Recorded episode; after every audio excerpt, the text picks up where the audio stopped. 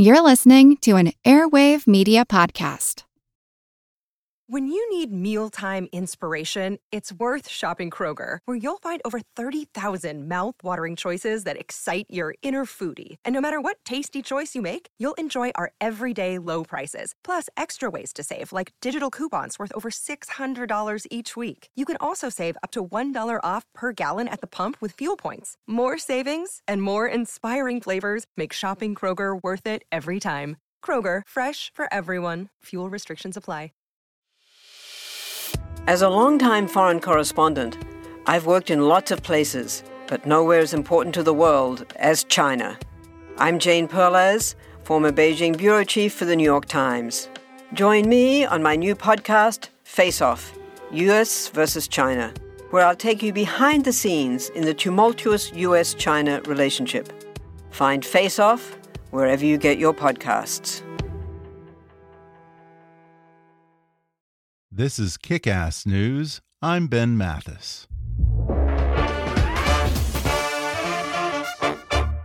Millions of people face legal problems every year. Take control of your rights with Legal Shield for help on a variety of legal issues, such as preparing a will or fighting a speeding ticket. As a Legal Shield member, you'll pay an affordable monthly rate for access to an entire law firm instead of hefty hourly fees. Get the legal protection you deserve. Visit LegalShield.com and put a law firm in the palm of your hand today with Legal Shield. Today's shopping experience is drastically different than what it used to be. In episode 3 of the newest season of Outside the Box, presented by Walmart, we hear from CEO of Bonobos, Andy Dunn. Dunn talks about building truly personal experiences by walking in customers' shoes and the unexpected path that arose from a simple idea to make a better pair of pants. Listen to the new season of Outside the Box podcast today and learn firsthand from Andy and other leading innovators like him. Outside the Box is available now on Apple Podcasts, Stitcher, and everywhere you like to listen. And now, on with the show.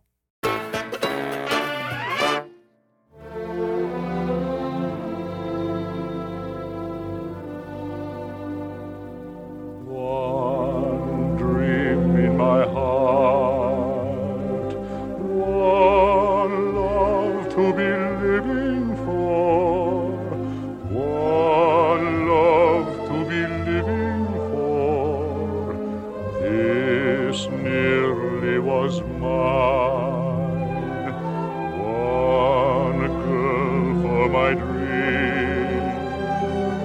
One partner in paradise, this promise of paradise, this nearly was mine. Heartbreaking melody is from the musical South Pacific. When I was 14, my father took me to see a production of this classic in London's West End, one of the first shows I ever saw. It was dramatic, at times funny, and every single song was a smash hit.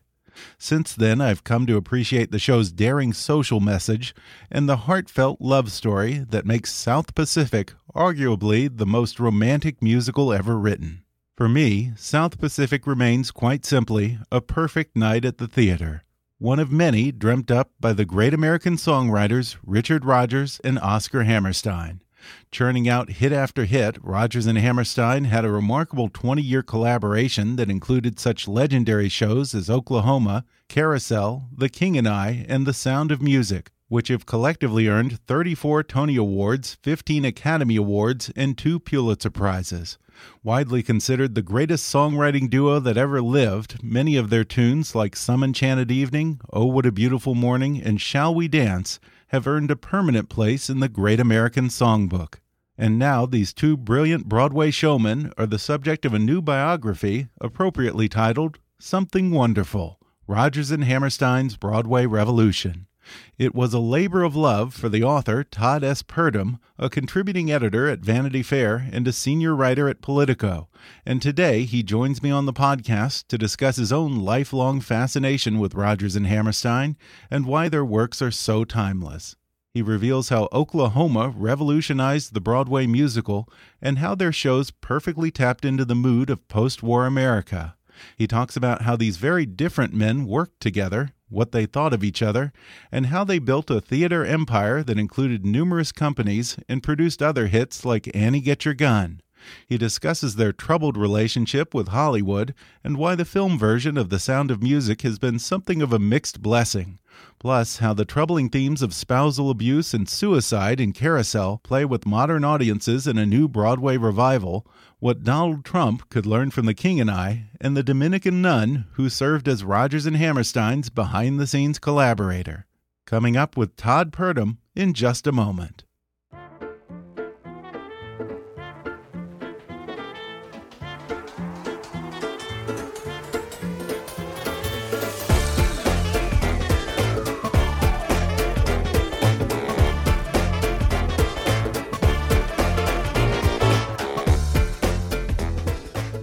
Todd S. Purdum is a contributing editor at Vanity Fair and a senior writer at Politico, having previously worked at the New York Times for more than 20 years, where he served as White House correspondent, diplomatic correspondent, and Los Angeles bureau chief.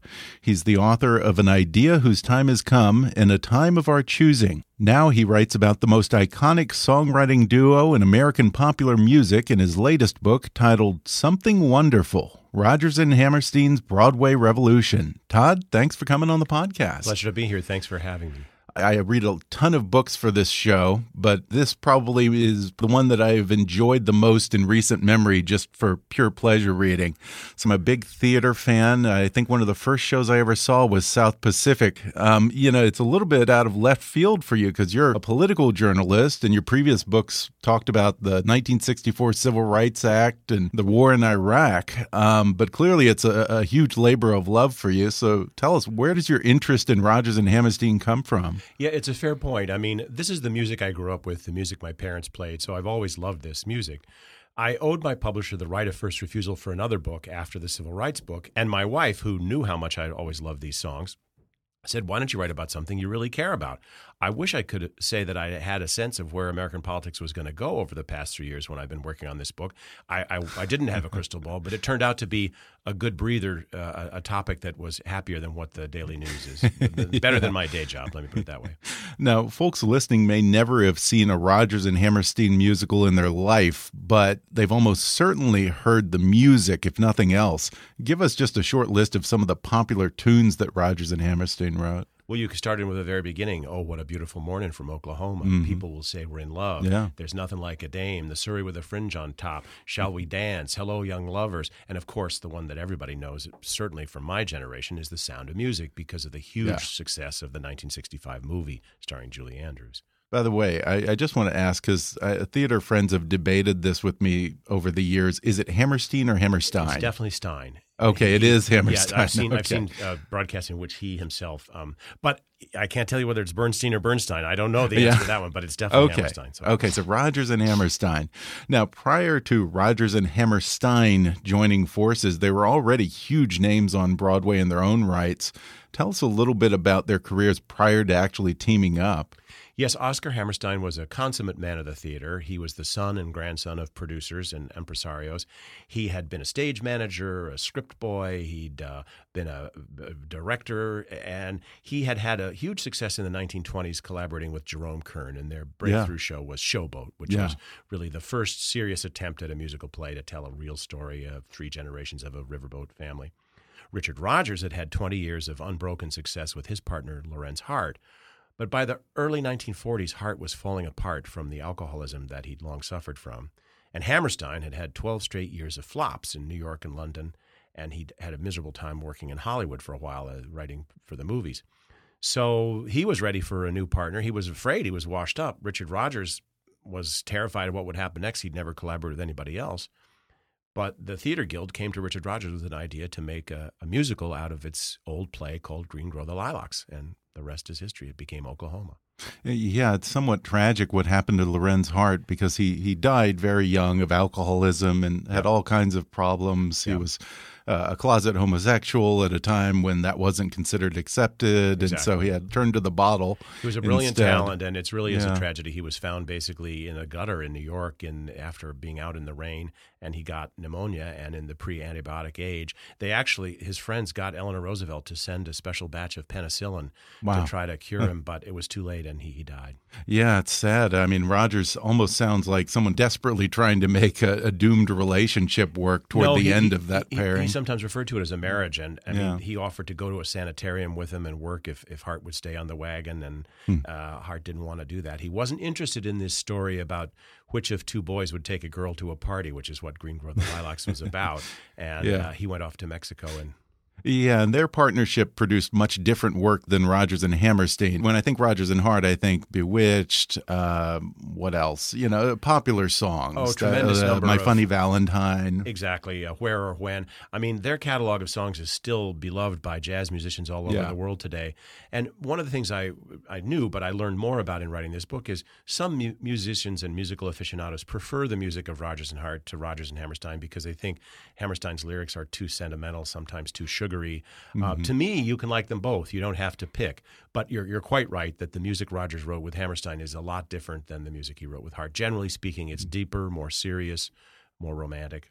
Their first project was Oklahoma. Today, when we think Oklahoma, you know, we think anything but groundbreaking. But with the possible exception of Showboat, Kern and Hammerstein's previous show, there really hadn't been anything like it. Shows were called musical comedies for a reason. It was just a bunch of popular songs strung together with a few jokes, usually very topical stuff, not a lot of substance. What were some of the ways that Oklahoma broke new ground in the theater? Well, the principal way was that it was just very naturalistic. The play that it was based on had begun with a woman churning butter alone on a stage and a cowboy singing in the wings. And Oscar Hammerstein later recounted they thought, how could they begin a musical with a strawberry picking festival or a quilting bee, something? Because musicals began with a Right. big chorus, you know, uh, dancing girls and boys to get the audience in a good mood. They decided in the end to start just the way the play had with that woman churning butter. So it was so quiet, so naturalistic, it, it landed like a bomb. And it also dealt with real people, real feelings. And then Agnes de Mille's ballet, uh, Dream Ballet, showed the inner thoughts of Laurey, the, the heroine. And it, it moved the plot along, as did the songs. Every song was written very specifically for the characters in the show to explain their thinking, to move the story along. And that was quite different from, as you say, these shows in which songs were just strung together with a lighter than air plot about mistaken identity or musical beds or what have you. Yeah, and the Agnes de Mille ballet became kind of a hallmark that we saw replicated in a number of their shows after that. But now you see that in everything from Singing in the Rain, American in Paris, all the way up to La La Land. Yes, I think there are some people who wish it hadn't ever happened because there are some people who for whom those ballets are the Yeah. least favorite part of the show. but they were uh, groundbreaking at the time, and they were a Yeah. way to illuminate the character's innermost feelings. One of the things about songs in general is um, Alan J. Lerner, the lyricist, said once said that a good song can cover you know fifteen or twenty pages of dialogue because it's like a concentrated, uh, especially you know intense version of of speech uh, because it's it's accompanied by music, so it, Mm-hmm. it carries you along. Now, you say in the book that after Oklahoma opened, Rodgers and Hammerstein used to play this little game where they would pretend that Oklahoma was a total flop and they would go through all the reasons that it failed. I, I suppose that exercise sort of highlights just how risky Oklahoma was in its day. Yes, they had terrible trouble raising money. They had no big name stars. They had no dancing girls, scantily clad chorus girls. they had a ninety thousand dollars shoestring budget. They cast unknowns. Their own partnership wasn't proven. Agnes de Mille was a total unknown. She'd been in ballet, but she was an unknown figure on Broadway. Rouben Mamoulian, the director, had had a big success with Porgy and Bess, but he too had had a dry period. So they were really taking a chance. And a lot of the smart money said, What? They're going to make a show about this? I don't see it. Uh, how much of the success of Oklahoma, Carousel, South Pacific was just that it suited the post war sensibilities? Because Oklahoma opened in the middle of World War II. Exactly. I think a big part of it was that it suited the wartime sensibility. It the plot was, you know, about Oklahoma and the Indian Territory on the verge of statehood and what it had taken to tame the frontier and so forth. But audiences in 1943, when it opened, heard it as a story about what it would take to win the war and to and to win the peace, frankly, too, and to make a world in which, as they say in the farmer and the count, and we might all behave ourselves and act like brothers. Every performance was filled with rows of servicemen getting ready to ship out. And it was embraced in the same way that Irving Berlin's White Christmas became a kind of iconic ballad of Right. home and hearth. Oklahoma became something that spoke to people about their country. At the same time as you see film kind of going from lighter fare to more serious fare uh, and Like noir Lo- and Lost stuff Weekend like that. and serious Exactly. movies like that gentleman's agreement Yeah. about anti-Semitism. Yeah. Yes, uh, people. The war had sobered people up. The escapism, uh, the escapism of the 30s was not in fashion anymore. Mm-hmm. People wanted more realistic shows. So, for example, South Pacific, their giant monster hit in 1949 after the war, based on a wartime story, really had a rip from the headlines feel, and everyone in the audience would have had some connection to the war, and that's part Mm-hmm. of its success. Now, I think that their next show was Carousel. Is that right? The It next was. Broadway The show. next Broadway show was Carousel. it's been a while since I've seen it, but it might not seem like it would do very well today because the hero is a criminal who physically abuses his wife.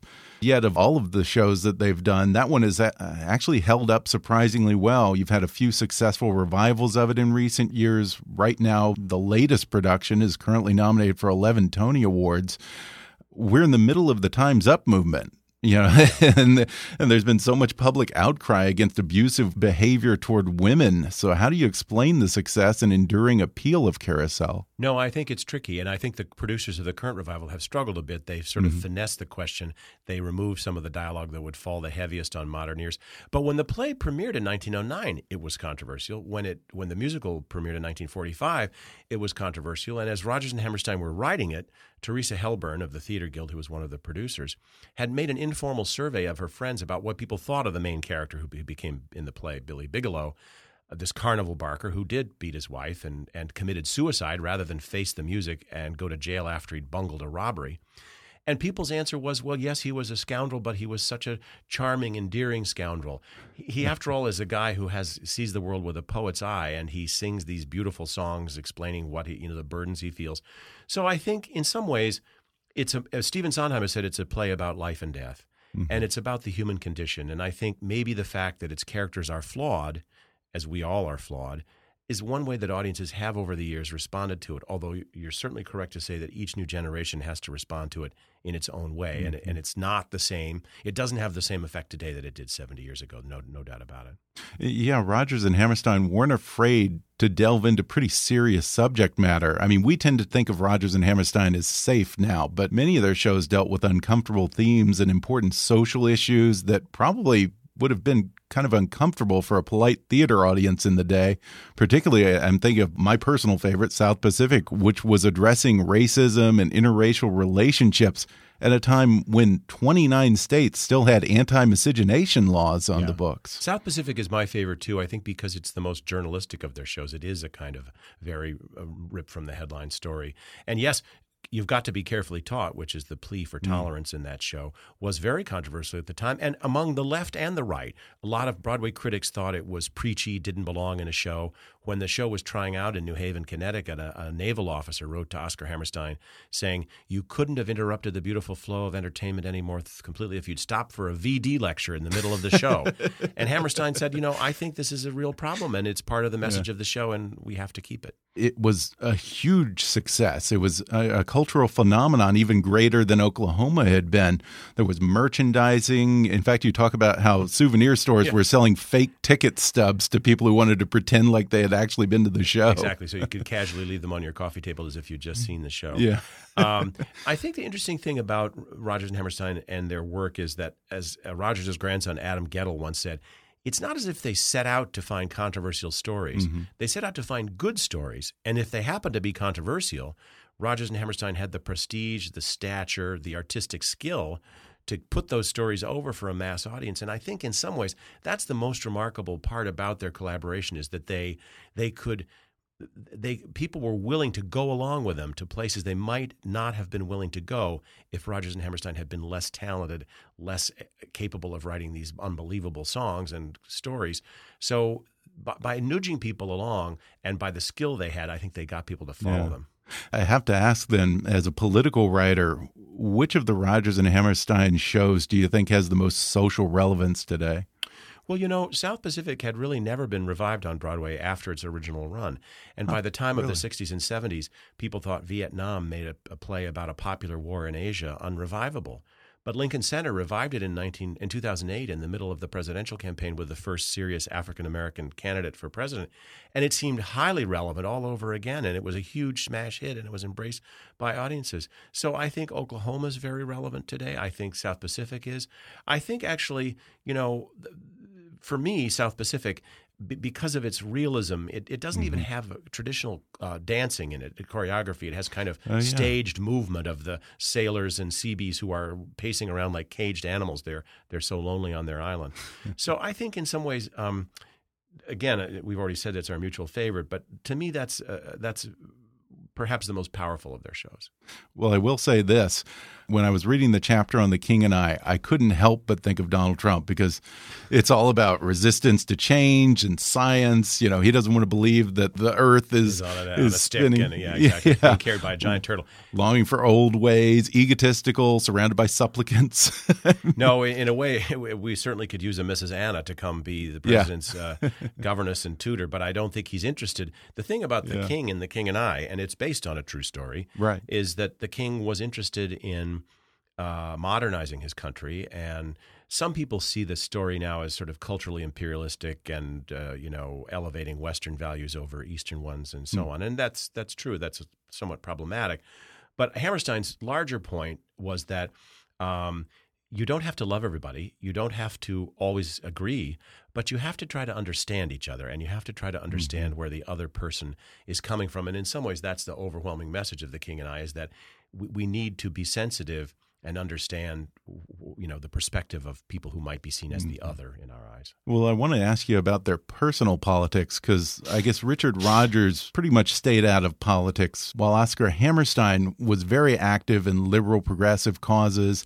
And at some point, his political activism earned him some unwanted attention from the FBI and the State Department, right at the height of the Red Scare and McCarthyism. What prompted all that? Well, wh- what started really, he'd been a lifelong progressive, but when he was in Hollywood in the 1930s and Hitler was on the rise in Germany, he was one of the founders of the Hollywood Anti-Nazi League, which was dedicated to, you know, uh, combating uh, Nazism and fascism in Europe.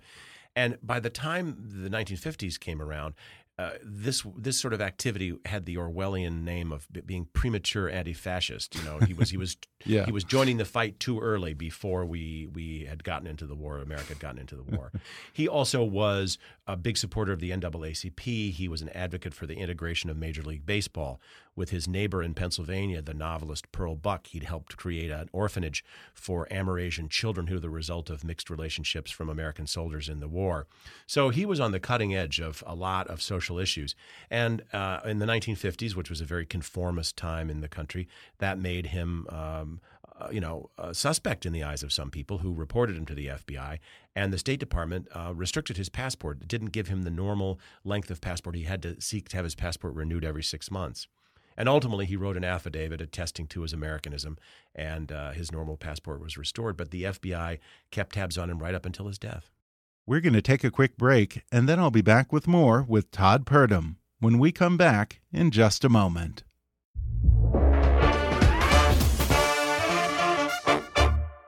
Whether your tires are new or worn, you should have the confidence to get where you need to be.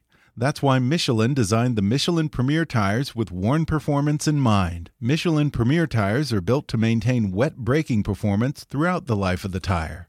Get there no matter the weather thanks to the Michelin Premier Tires EverGrip technology, which helps maintain wet braking performance even as your tires wear.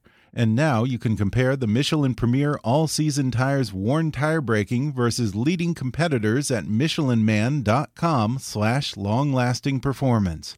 That's michelinman.com slash long lasting performance. And now back to the podcast.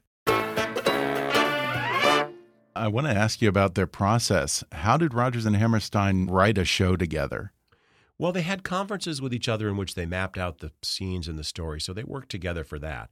But when they got down to actually writing the songs, they worked in different places. Hammerstein at his farm in Pennsylvania, Rodgers at his country house in Connecticut or his apartment in Manhattan. So it wasn't at all like the movie version of songwriters where they're sitting around a piano Right. plunking out the tune and you know having inspiration dawn on them. Yeah. And Hammerstein was very slow. He was painstaking. He would take weeks, sometimes months, to write a single lyric. He would send it off to Rodgers by telephone or by dictation or mail. Rodgers would typically write the tune in a flash, although he said his reputation for speed was somewhat overblown hmm. because he he too had spent weeks or months thinking about the character, the voice part, the tempo, the situation in the story. So he said that yes, he, you know, he wrote Bali Ha'i for South Pacific in 5 minutes over lunch, but he'd been thinking about it for a long long time. Did Oscar ever resent the fact that he would labor for weeks or months on a lyric and then yet the music would come so easily to Dick Rodgers? Yes, in an interview, he once said he could have thrown a brick through the phone when he found out how fast Rodgers wrote the wrote the tune. Uh, the most painful one was when he wrote uh, "Hello, Young Lovers" from The King and I, which had given him a lot of trouble. he spent a long time on it. He sent it off by special messenger to Rodgers with instructions to wait for a reply, and none came for four days. And finally, on the morning of the fourth day, Rodgers called him about some other business, and at the end of the call, he said, "Oh, by the way, I got that lyric; it works fine." And Hammerstein was completely crushed. One thing that comes out in the book is that they really didn't hang out together. And you say in the book that they had no idea if the other even liked him. How, do you yeah, work together for the, for two, three decades and not have some sense of your partner like that? They had a very close and simpatico creative relationship. They had a totally respectful collaboration. They signed all their correspondence to each other with a single word, love, which I wouldn't think would be that common for men of their generation. Yeah. But each went to his grave confessing to friends that he wasn't sure the other had really liked him. They were just very different personalities. Hammerstein was sentimental, uh, beloved figure in, in the Broadway community. Rodgers was a harder figure, more calculating, um, not so easy to be around. We, we learned after his death that he also had suffered from severe depression and was a quietly, highly functional alcoholic, but nevertheless a severe alcoholic for much of the last part of his life. So I think they just saw the world differently, and they were they were each private in their own way. They they weren't given to confessing their resentments or fears to each other, and they had this incredible successful partnership going. And they didn't they mostly didn't want to rock the boat or flick the scab. So I think that's partly why they they were not sure what mm-hmm. the other thought. They didn't they didn't they were too afraid to ask. And they were extremely savvy businessmen and producers, as well as being a lyricist and composer with various companies and licensing arms, very interested in building their brand, protecting their intellectual property, constantly auditioning new talent for new shows. Had there ever been a composer who not only took on the role of producer, but thought about musical theater on this industrial scale before? No, they were kind of the GM of Broadway in the Yeah. 1950s. And, and Irving Berlin had had his own publishing company, for example, but nobody had been involved in so many facets of the business as Rodgers and Hammerstein. And one of the poignant parts about it is that by the mid 1950s, they were so busy being Rodgers and Hammerstein, managing all their properties, beginning to make the movies of the early shows, that I think their creative work suffered. It, their, their worst mm-hmm. work really happened in the mid 1950s when they were so busy with their business. Uh, responsibilities that they didn't have as much time as they might have had for for the creative work. hmm I, I want to ask you if they ever had any particular flops. I feel like the word is a little bit unfair because even the shows that got panned by critics still had so many pre-sales based on the anticipation and just the Rodgers and Hammerstein brand alone that they usually made a profit, at least a modest one. Did they ever have a show that was just an out and out disaster? The one out and out flop they had was a, a show in 1955 called Pipe Dream, and it was based on a John Steinbeck novel about life on Cannery Row in Monterey, California, in a bordello, basically. But Rodgers and Hammerstein didn't quite have the courage of their convictions to make it clear just what this woman was doing. Uh, John Steinbeck said, "You've turned my hooker basically into a visiting nurse," and uh, they also broke their usual rule and invested their own money in that show, and they lost everything. Uh, but even it had a couple of wonderful songs that are performed today and, and are very touching. But the whole thing didn't hang together, and, and they knew it, and they knew they knew that they probably shouldn't have done it. And interestingly, among the shows they passed up at that time that they could have done was the, what became My Fair Lady and what became Fiddler on the Roof. So you know they, Oh, they yeah. didn't have a perfect batting average, even as good as they were. Rodgers and Hammerstein were from time to time lured to Hollywood with the promise of easy money. Yeah, yeah. And, and you have composers and lyricists like Irving Berlin or Ira Gershwin who really took to working in film and just loved it. But for Rodgers and Hammerstein, it was always a complicated relationship. Why is that? Well, they didn't like it because they weren't the boss. They weren't in control. Mm -hmm. In mm-hmm. Hollywood, especially in the 30s, the producers and directors were the bosses, the studio heads. So, for example, they might write a song for a movie and would never be used. This is when they were working not together, but with their other partners.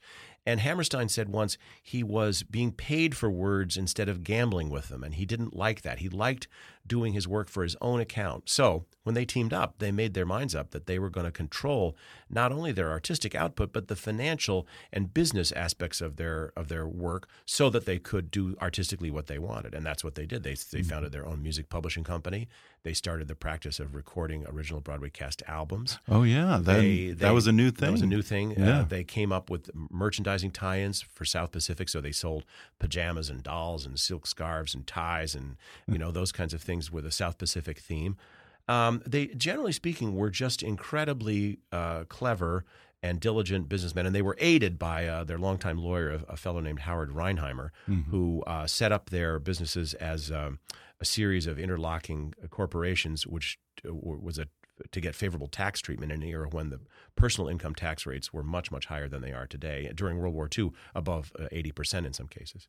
Yeah, at some point, I, I, think when they did, I want to say Oklahoma, they wanted to control it themselves, so they became the producers, right? And yeah, they went into they went into partnership with Michael Todd it. and and yeah. uh, people from 20th Century Fox and basically produced the movie themselves, which they somewhat came to regret because they they knew they were not experts in the field. Yeah. But they it was their baby. It was their first creation, and they were determined to you know control every aspect of it. And in in general, they were at their best when they were in control, and when they ceded control to others, sometimes the decisions were made that didn't reflect the best on their work. Yeah, I never realized it, but uh, didn't they shoot Oklahoma and Arizona? They did shoot it in Arizona because Oklahoma by 1955, 54 was already too built up. Yeah. They looked at places in Iowa, it's same same thing. But in southern Arizona, near the Mexican border, there was some territory. Frankly, it doesn't look at all like Oklahoma. It looks like Arizona. It has mountains, and but it's quite beautiful. Mm -hmm. And the director Fred Zinnemann uh, decided that would be the place to do it. And um, the, the, good part about Oklahoma is that all the actors in the movie sing their own songs, which was not necessarily universal in Hollywood. Then sometimes there was dubbing. Uh, it, it, takes advantage of those location scenes of big wide sky and field of corn that they specially yeah. planted with the University of Arizona's agriculture uh, department to help them make sure the corn would be ready in time. So and as high as an elephant's yeah, eye. Elephant's eye, but it has a um, the, the good part about it, it does capture a, a big, wide sense of the outdoors. Mm-hmm. And it was a, original uh, uh, showing was in a widescreen format called Todd-AO, so mm-hmm. it has mm-hmm. a, quite a sweeping views of the wind coming down the plain. Now, we can't talk about the movies of Rodgers and Hammerstein without touching on their most beloved film, The Sound of Music. Theater scholars love to debate the merits of the film versus the original Broadway production. Do you have a personal preference? I, there are some songs in the Broadway production that aren't in the movie that I like a great deal. One is called "How Can Love Survive," which the captain and uh, Elsa, the Baroness, sing about how, how, hard it is to fall in love if you're rich. Um, but it's just no doubt about it that this movie version of The Sound of Music was a spectacular hit with audiences. Critics hated it, just as they hated the Broadway show. It was one of the first movies, maybe the first two or three movies I saw as a kid growing up. And my sister oh, really? and I went back five times in two weeks to see it over and over again. Uh, my children have seen it, you know, dozens of times, and I'm sure they could quote the whole thing by heart as as, the, as they watch it today. We've been to one of the sing along Sound of Music where we dressed up like brown paper packages tied up with strings and. So I think that part of that also is the fabulous locations in Salzburg, Austria, where oh, yeah. these songs are being sung out in the mountains and yeah, all through beautiful. town. And uh, it's just irresistible. And in a way, Austria itself and the, the scenery is a character in the movie. It's so mm -hmm. powerful. One of the most amusing stories that you tell in the book is you reveal that when they were writing the original stage production of Sound of Music, Rodgers and Hammerstein had a very opinionated, behind the scenes collaborator who actually made some pretty significant contributions to the show. Who was Sister Gregory and what did she bring to the table? She was a Dominican nun who taught drama at what was then called uh, Rosary College outside Chicago. And she had become a friend, a pen pal of the star of The Sound of Music, Mary Martin. And she uh, was a crucial source of uh, technical advice and in some senses emotional advice, writing Oscar Hammerstein about how nuns should behave. Uh, she said, "Don't make nuns giggle. If we think something's funny, we'll either suppress it or we'll laugh out loud. But don't make us too cute. Don't make us giggle." And she talked about what it was like to serve a religious vocation, to serve God, and to love God instead of you know having a marital love. Uh, and she said, in a way, this letter that she wrote became a big part of the inspiration for the song that became Climb Every Mountain because she said you have to choose how you want to spend your love, and that's what the Mother Abbess tells Maria. And um, she kept up her correspondence with Rodgers even after Hammerstein's death. Uh, she apparently must have been quite a colorful person. I wish I'd been one of the people I wish I'd been able to meet. And she's long dead, but she must have been a real character. Yeah, you mentioned Oscar Hammerstein's death. He was dying of terminal cancer at the same time as they were preparing to launch the show. Yeah. They were doing out of town tryouts. Even toward the last minute, he was still, I think, writing songs and making adjustments. And given that it was almost certainly going to be the last Rodgers and Hammerstein collaboration, was there added pressure for them to really get this one right? Yes, I think there was. They'd also had some disappointments, as I said, in the mid 1950s. Mm -hmm. uh, by the time they were finishing the show, they knew it would be the last because Oscar was dying. The last song that he wrote, he wrote in Boston for the out of town tryout. He'd come out of the hospital, he'd missed the premiere in New Haven, and they decided they needed a song for the captain to sing to to show a warmer side of his love for his children. And the original Captain von Trapp, Theodore Bikel, happened to be a, quite a good folk singer and guitarist. So Rodgers wrote a melody he thought would sound like an Austrian folk tune, and Hammerstein in the Ritz Carlton Hotel wrote the lyrics for Edelweiss. And in fact, they succeeded so completely in making it sound like an Austrian tune that when Ronald Reagan was president and the Austrian president paid a state visit to the White House or official visit, uh, someone thought that it was the Austrian national anthem and had the band play it. yeah, you, you talk about how I guess people from Austria would come up to them and talk about how they loved that and remembered seeing Edelweiss as children. yes, Theodore Bikel said people would approach him at the stage door and say, I love that song, but of course I only know it in the original German. and uh, it's a testament to Rodgers and Hammerstein's yeah. skill that they made it sound so mm -hmm. authentic. Just as with "You'll Never Walk Alone" sounds like yeah. an old the old hymn it's supposed to be. Now you describe Oscar Hammerstein worrying about what will happen to Richard Rodgers after he's gone, telling him that he needs to find another writing partner. It almost sounds like an old married couple with the dying husband encouraging his wife to move on and remarry. No, I think he was quite worried yeah. about it. And Rodgers was seven years younger. Rodgers was only fifty-eight when Oscar died, mm. and in fact, eventually the partner that he worked with was Hammerstein's surrogate son, Stephen Sondheim. Uh, yeah. And it turned out to be, in the end, an unhappy collaboration with Rodgers, which is too bad because they're both very talented men. But it, the the mix wasn't good, and Sondheim later said he'd done it as a favor, a posthumous favor to Hammerstein, uh, and he he regretted having done mm-hmm. it. Um, but yes, I think Hammerstein worried very deeply about what would happen to Rodgers after he died, and he'd apparently told friends that if he, even if he weren't dying, he'd made up his mind he didn't want to write any more shows. He wanted to take it easier. He was turning 65. I think he wanted to write his memoirs. He was starting to do that. So it is very much like a marriage. And think about how many partnerships in any field last for 20 years or 18 years yeah. as theirs did. It's pretty extraordinary. Was Richard Rodgers ever able to recover creatively after Hammerstein died? He wrote some beautiful songs in the shows he did in the remaining 20 years of his life, but but no, he never really had the success that he'd had with Hammerstein or with Hart. Uh, he got older. He had a range of physical ailments. He, the alcoholism was a problem. The depression was a problem. He had cancer. He had a stroke. He had heart problems. And by the time he died, he was too ill to go see the opening of a brand new smash hit revival of Oklahoma, which opened just a couple of weeks before his death in 1979. Mm-hmm. So the last part of his life is frankly a rather sad chapter. Was he very involved in the movie version of Sound of Music? No, he was not. Uh, Julie Andrews told me that he never showed up on the set. He hmm. did not go to the location in Austria. He did go to the premiere and escorted her to the premiere in New York. Um, he had to write a couple of new songs for the movie version including um, I Have Confidence, which is the song that Maria sings when she's leaving the Abbey to go to the Von Trapp's house to take care of the children.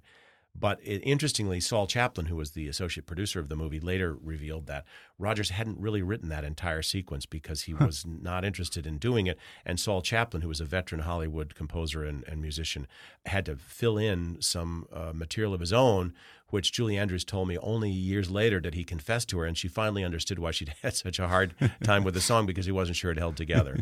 and the film has been a bit of a double edged sword for Rodgers and Hammerstein because it crystallized them in the popular imagination as very saccharine, old school Broadway, pretty songs, pretty scenery, but extremely safe. Yes, I mean, people think uh, Rodgers and Hammerstein are raindrops on roses and whiskers on kittens, and Yeah. you know it's all very uh, nuns and Nazis and sweet kids and so forth. And their work was, as you've pointed out already, much more interesting, much more complicated, much more diverse than that. And so, while it was a huge success and it's put their names in, you know, on the tips of people's tongues all over the world, in some ways it's their least typical show. And so it's a paradox that it's become mm-hmm. probably at the end of the day their most popular. It's not really what they should be most known for. Yeah, plus, you have the other films, which were kind of a mixed bag, and you, the shows are almost over licensed today for school productions and stock companies, to the point that Americans are probably more likely to know Rodgers and Hammerstein's work from their kids' high school production of Oklahoma than actually seeing a professional Broadway revival. Does the ubiquity of these amateur productions and the lack of quality controls run the risk of diluting Rodgers and Hammerstein and maybe even tarnishing their legacy? I think it has. I think it did, especially in the 60s and 70s as edgier things were appearing on Broadway and in the culture in general. But I think starting uh, in the early 1990s with this revival of Carousel in London by the Royal National Theatre, uh, people were astounded to see, gosh, these are not, you know, the junior high school production or the dinner theater one that I thought of. These are riveting theatrical works worthy of the highest talents of actors and musicians and scenic designers that any other.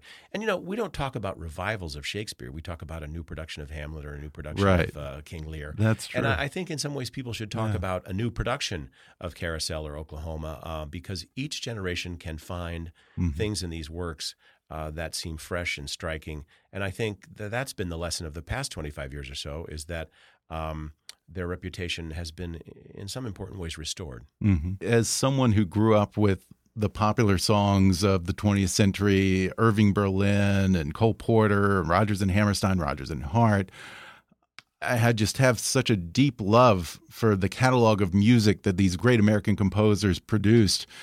And yet, I don't know what happened to that. You know, there's no one writing timeless classics that actually cross generations that my parents and grandparents and I can still appreciate. What happened to the Great American Songbook, do you think? It's a really interesting question, Ben. And one of the things that's happened in general is our culture has been more fractionated. I mean, uh, when Rodgers and Hammerstein wrote their version of Cinderella for television, starring Julie Andrews in 1957, it was seen by 107 million people at a time when the population of the country was about 172 million. So even the Super Bowl barely draws an audience of that share today. So I think that's one thing. Rock and roll rose in the 50s and is here to stay. And the other thing that happened in the 60s and 70s was the rise of the singer songwriter. Mm-hmm. Singers didn't need songs written by other people. They chose to write their own songs, tell their own narrative, their own. And of course, you know, there are people who are totally worthy heirs to Rodgers and Hammerstein today. I mean, someone like Lin Manuel Miranda with Hamilton, Hamilton Right. is is working firmly in the tradition and standing on the shoulders of people like Rodgers and Hammerstein, even as he's working in a different musical genre. Mm-hmm. but he's not producing number one singles. No, and that's the thing. He's not going all across the, Yeah. the, the popular culture. I mean, w- when Rodgers and Hammerstein were the dominant forces on Broadway, Broadway was a dominant cultural force in Yeah. American life. And I- don't think we'll ever see that again because the country's just too fractionated. Well, the book is just wonderful, and I absolutely enjoyed it. Again, it's called Something Wonderful Rodgers and Hammerstein's Broadway Revolution. Todd Purdum, thank you for talking with me. Thanks for having me.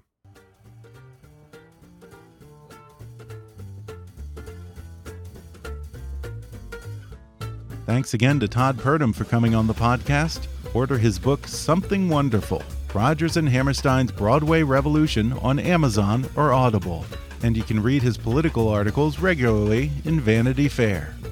Whether your tires are new or worn, you should have the confidence to get where you need to be.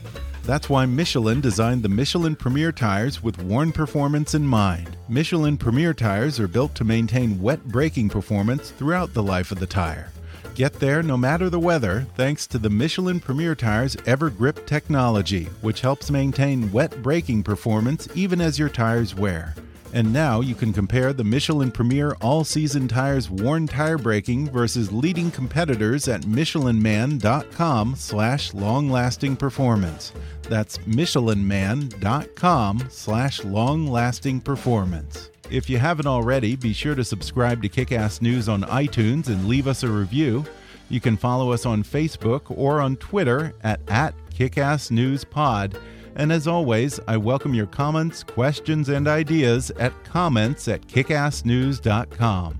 I'm Ben Mathis, and thanks for listening to Kickass News.